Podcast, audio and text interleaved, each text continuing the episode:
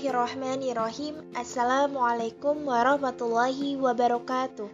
Halo semuanya, perkenalkan nama aku Tiara Sriwulandari Mahasiswi semester 3 Akuntansi Syariah dari Sekolah Tinggi Ekonomi Islam SEBI. Pada kesempatan kali ini, aku mau membahas tentang ekonomi mikro Islam. Selamat mendengarkan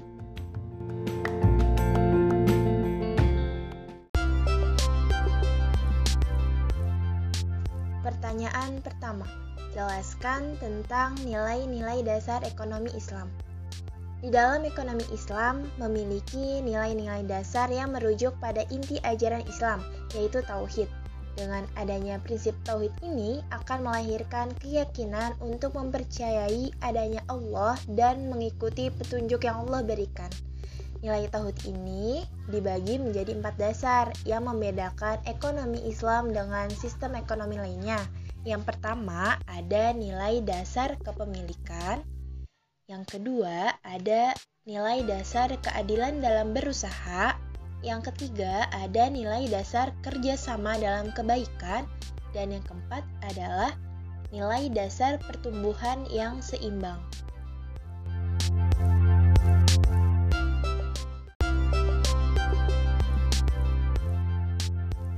Pertanyaan nomor 2. Jelaskan apa yang dimaksud dengan falah. Falah yaitu terwujudnya kesejahteraan umat manusia secara material dan immaterial dunia dan akhirat. Secara umum, ada beberapa kata dalam Al-Quran yang semakna dengan arti kebahagiaan, seperti al-falah, al-farah, al-fauz, dan al-sa'dah. Kata al-falah dan berbagai derivasinya. Kata al-laha adalah kata turunan atau mushtaq dari akar kata al-falah yang berarti kebahagiaan. Arti kebahagiaan yang terkandung dalam kata al-falah ini terdapat pada 40 ayat dalam Al-Quran dengan derivasinya yang beragam. Ragam variasi kata tersebut adalah aflaha, yuflihu, yuflihun, tuflihu, tuflihun, muflihun, dan muflihin. Secara singkat, falah adalah merupakan kebahagiaan, keberhasilan, atau keselamatan yang baik, bahkan tidak jarang diartikan dalam Al-Quran sebagai makna kemenangan.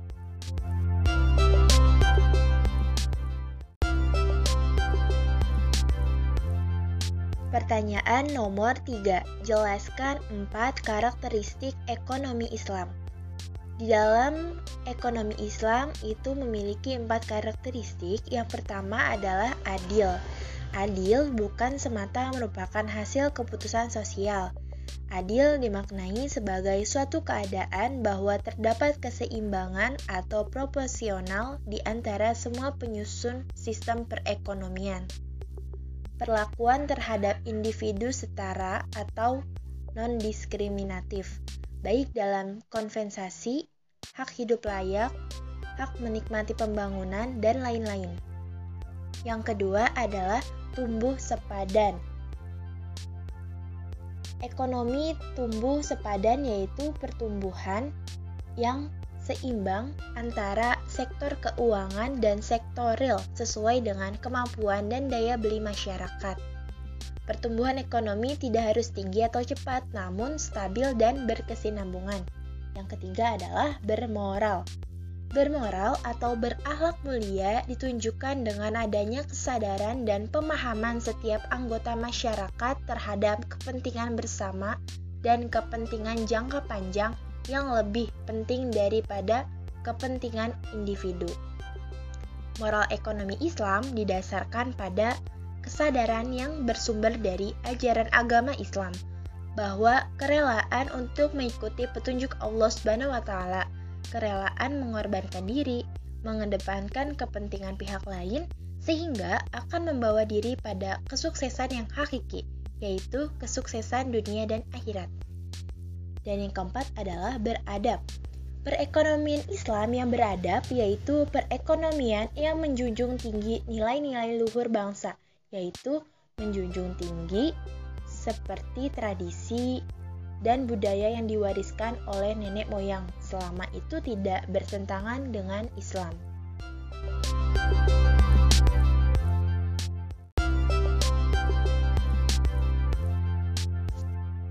Pertanyaan keempat, ekonomi Islam adalah ilmu ekonomi yang mempelajari perilaku ekonomi orang-orang Islam atau negara-negara yang mayoritas berpenduduk Muslim. Setujukah Anda dengan pernyataan tersebut? Jelaskan alasannya. Ya, saya setuju karena ekonomi Islam itu adalah suatu aspek yang kehidupan manusia yang sudah ada sejak manusia dilahirkan ekonomi Islam itu telah dipraktikkan sejak agama Islam diturunkan. Banyak dalam Al-Quran tentang ekonomi dan praktik kehidupan Rasulullah dan para sahabatnya yang mencerminkan perilaku ekonomi yang sesuai syariat. Islam itu tidak memisahkan disiplin ekonomi sebagai disiplin ilmu sendiri. Menurut Umar Capra, Ekonomi Islam adalah suatu cabang ilmu pengetahuan yang berupaya untuk memandang, menganalisis, dan akhirnya menyelesaikan permasalahan-permasalahan ekonomi dengan cara-cara sesuai dengan prinsip syariat Islam.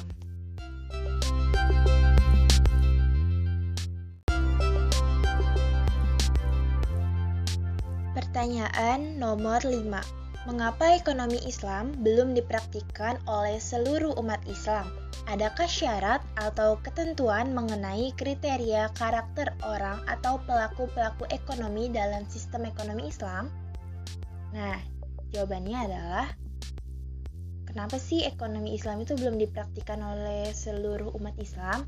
Karena banyaknya penjabat yang bukan beragama Islam yang menyuruh umat Islam itu untuk tidak menggunakan ekonomi sesuai dengan hukum syariat Islam, namun menyuruh mereka untuk menggunakan prinsip ekonomi mereka.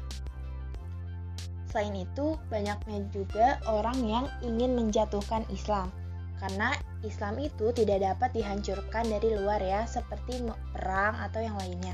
Maka mereka itu memutuskan untuk menjatuhkan Islam dari dalam dengan membuat umat Islam menjauhi prinsip-prinsip kehidupan Islami. Dan juga banyaknya orang yang serakah akan harta sehingga mereka melakukan cara apa pun demi mendapatkan uang. Misalnya curang dalam timbangan, menipu para pembeli, melakukan riba, dan lain-lain. Nah, untuk syarat atau ketentuan mengenai kriteria karakter orang atau pelaku-pelaku ekonomi dalam ekonomi Islam itu yaitu uh, di dalam di dalam diri seorang pedagang muslim itu haruslah bersikap jujur ya kepada pembeli. Lalu seorang pedagang itu tidak melakukan pekerjaan atau transaksi yang mengandung riba. Dan seorang pedagang itu harus membelanjakan uang hasil dagangannya untuk jalan yang baik, bukan untuk foya-foya atau membeli narkoba dan membeli minuman-minuman yang memabukkan serta mendapatkan modal dari uang yang halal, bukan dari hasil mencuri dan lain sebagainya.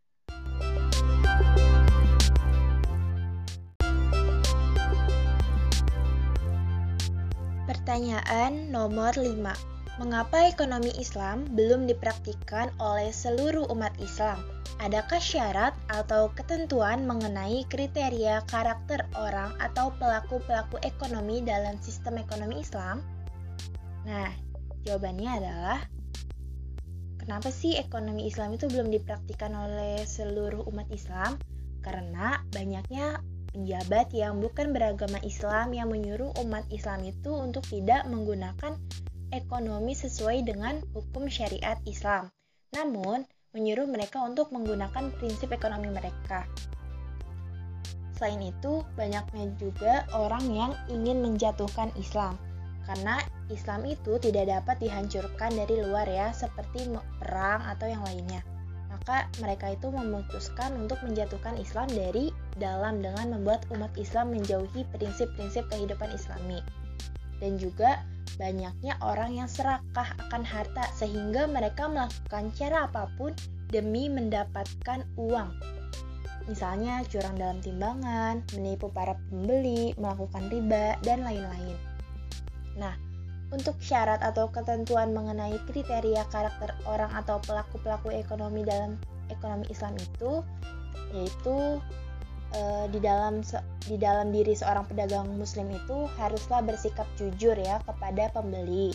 Lalu seorang pedagang itu tidak melakukan pekerjaan atau transaksi yang mengandung riba.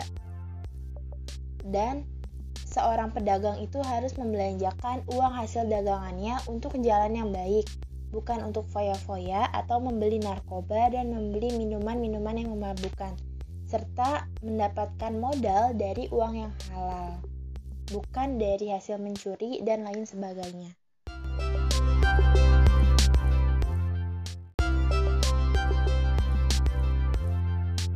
Pertanyaan nomor 6.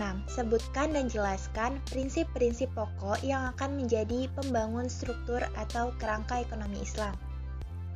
Prinsip-prinsip pokok yang akan menjadi pembangun struktur dan kerangka ekonomi Islam adalah yang pertama adanya pengendalian harta individu. Dalam mengelola harta individu ini haruslah digunakan secara produktif. Jangan sampai menimbun atau jangan sampai menumpuk harta tersebut. Dan harta yang akan dialirkan ke dalam aktivitas ekonomi itu berupa investasi produk pada sektor real yang berupa zakat, infak, sedekah, dan wakaf. Yang kedua adalah distribusi pendapatan. Ini berfungsi untuk menjamin inklusivitas perekonomian bagi seluruh masyarakat. Berdasarkan prinsip ini, harta yang memiliki kelebihan akan disalurkan melalui zakat kepada delapan golongan yang berhak menerimanya, yaitu fakir, miskin, amil, mualaf, hamba sahaya, gorimin, visabilillah, dan ibnu sabil. Yang ketiga adalah optimalisasi bisnis atau jual beli dan berbagi risiko. Dalam optimalisasi bisnis ini diberikan kebebasan dalam melakukan pertukaran, kebebasan untuk memilih tujuan, dan rekan dagang sesuai prinsip syariah dan pasar yang menjadi tempat pertukaran tersebut. Lalu diperbolehkannya campur tangan dalam proses penawaran atau supply. Lalu juga tidak ada batas area perdagangan dan lain-lain. Yang keempat adalah transaksi keuangan terkait era sektorial. Menurut prinsip ini, transaksi keuangan hanya terjadi jika ada transaksi real yang perlu difasilitasi oleh transaksi keuangan. Yang kelima, partisipasi sosial. Dalam ekonomi Islam, pencapaian tujuan sosial diupayakan secara maksimal dengan menafkahkan sebagian hartanya untuk kepentingan bersama. Yang ke-6, transaksi muamalat.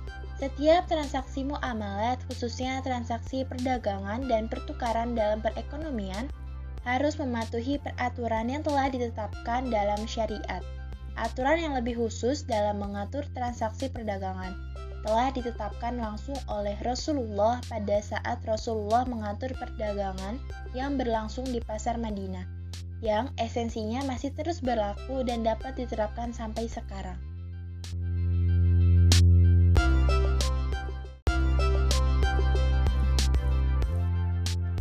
Pertanyaan nomor 6. Sebutkan dan jelaskan prinsip-prinsip pokok yang akan menjadi pembangun struktur atau kerangka ekonomi Islam. Prinsip-prinsip pokok yang akan menjadi pembangun struktur dan kerangka ekonomi Islam adalah yang pertama adanya pengendalian harta individu. Dalam mengelola harta individu ini haruslah digunakan secara produktif. Jangan sampai menimbun atau jangan sampai menumpuk harta tersebut dan harta yang akan dialirkan ke dalam aktivitas ekonomi itu berupa investasi produk pada sektor real yang berupa zakat, infak, sedekah, dan wakaf. Yang kedua adalah distribusi pendapatan. Ini berfungsi untuk menjamin inklusivitas perekonomian bagi seluruh masyarakat. Berdasarkan prinsip ini, harta yang memiliki kelebihan akan disalurkan melalui zakat kepada delapan golongan yang berhak menerimanya, yaitu fakir, miskin, amil, mualaf, hamba sahaya, gorimin, visabilillah, dan ibnu sabil. Yang ketiga adalah optimalisasi bisnis atau jual beli dan berbagi risiko. Dalam optimalisasi bisnis ini diberikan kebebasan dalam melakukan pertukaran, kebebasan untuk memilih tujuan, dan rekan dagang sesuai prinsip syariah dan pasar yang menjadi tempat pertukaran tersebut.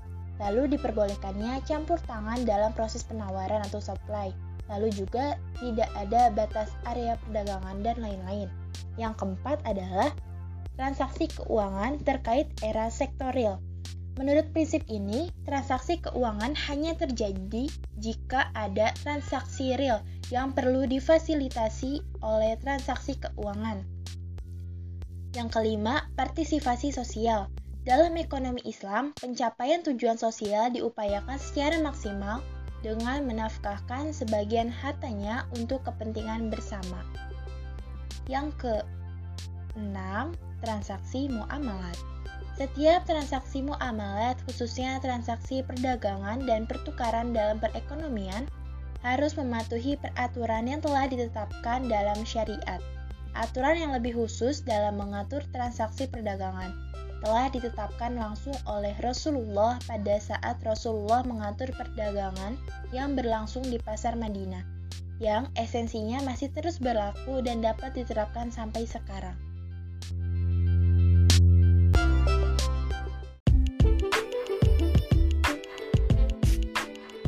Selanjutnya, saya akan membahas tentang penugasan. Adapun pertanyaannya adalah, dalam konteks ekonomi, perekonomian yang diharapkan adalah perekonomian yang adil, tumbuh sepadan, dan berkesinambungan dengan tatanan sosial yang bermoral dan beradab. Coba perhatikan lingkungan sekitar Anda dari keempat hal yang telah disebutkan, kegiatan ekonomi apa yang mencirikan masing-masing jati diri ekonomi Islam. Nah, saya akan menjawab contoh kegiatan ekonomi yang mencirikan sistem ekonomi Islam di sekitar lingkungan saya, yaitu kegiatan ekonomi produksi pohon singkong. Nah, jadi di sini itu e, banyak sekali pohon singkong yang diproduksi. Jadi pohon singkong tersebut dimanfaatkanlah oleh masyarakat sekitar dengan melakukan pengelolaan terhadap singkong yang masih mentah menjadi berbagai macam olahan. Nah, singkong yang telah diolah ini pun siap disajikan, kemudian dijual dengan harga yang telah disesuaikan dengan biaya produksinya.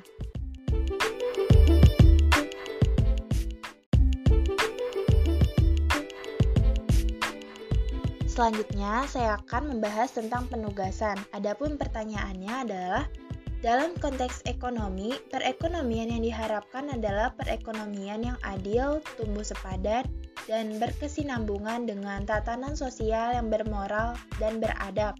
Coba perhatikan lingkungan sekitar Anda dari keempat hal yang telah disebutkan, kegiatan ekonomi apa yang mencirikan masing-masing jati diri ekonomi Islam. Nah, saya akan menjawab contoh kegiatan ekonomi yang mencirikan sistem ekonomi Islam di sekitar lingkungan saya, yaitu kegiatan ekonomi produksi pohon singkong. Nah, jadi di sini itu e, banyak sekali pohon singkong yang diproduksi. Jadi pohon singkong tersebut dimanfaatkanlah oleh masyarakat sekitar dengan melakukan pengelolaan terhadap singkong yang masih mentah menjadi berbagai macam olahan. Nah, singkong yang telah diolah ini pun siap disajikan, kemudian dijual dengan harga yang telah disesuaikan dengan biaya produksinya.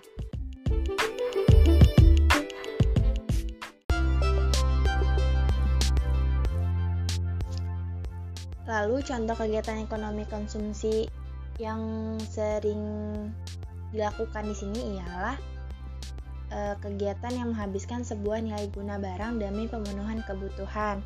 Contohnya, seorang konsumen itu membeli beras di sebuah toko sembako dengan harga yang terjangkau dan berasnya juga sesuai dengan harga. Jadi tidak ada unsur penipuan.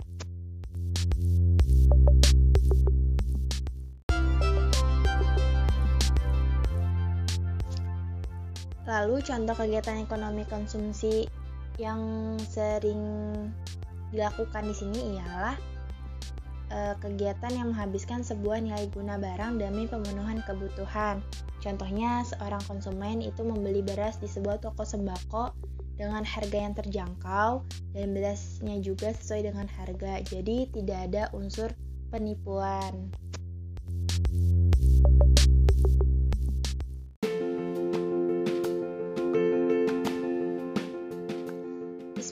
Bismillahirrahmanirrahim. Assalamualaikum warahmatullahi wabarakatuh. Halo semuanya, perkenalkan nama aku Tiara Sriwulandari, mahasiswi semester 3 Akuntansi Syariah dari Sekolah Tinggi Ekonomi Islam SEBI. Pada kesempatan kali ini, aku mau membahas tentang ekonomi mikro Islam. Selamat mendengarkan.